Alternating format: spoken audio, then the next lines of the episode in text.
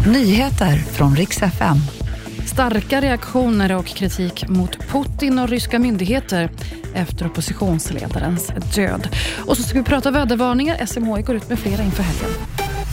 Ryska oppositionsledaren Alexej Navalny har dött i fängelse, 47 år gammal. Ryska kriminalvården säger att han bara ramlade ihop under en promenad. Många har reagerat och utgår från att han är mördad. Ett fruktansvärt brott av Putins regim. Det skriver idag Sveriges utrikesminister Tobias Billström. Även statsminister Ulf Kristersson skriver att ryska myndigheter och president Putin personligen bär ansvaret.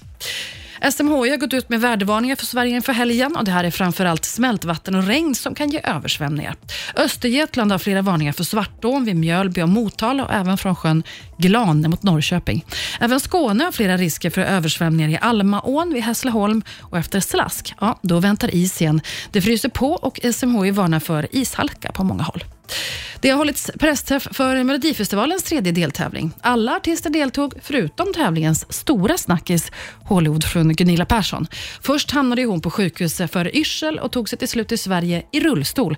Nu var hon tvungen att åka akut till tandläkaren också. Men hon ska vara startklar till på lördag. Flera debutanter deltar också imorgon, men även några vi sett förut som Klara Klingström och Cassiopeia som ska upp på scen imorgon. Det är alltså i Växjö.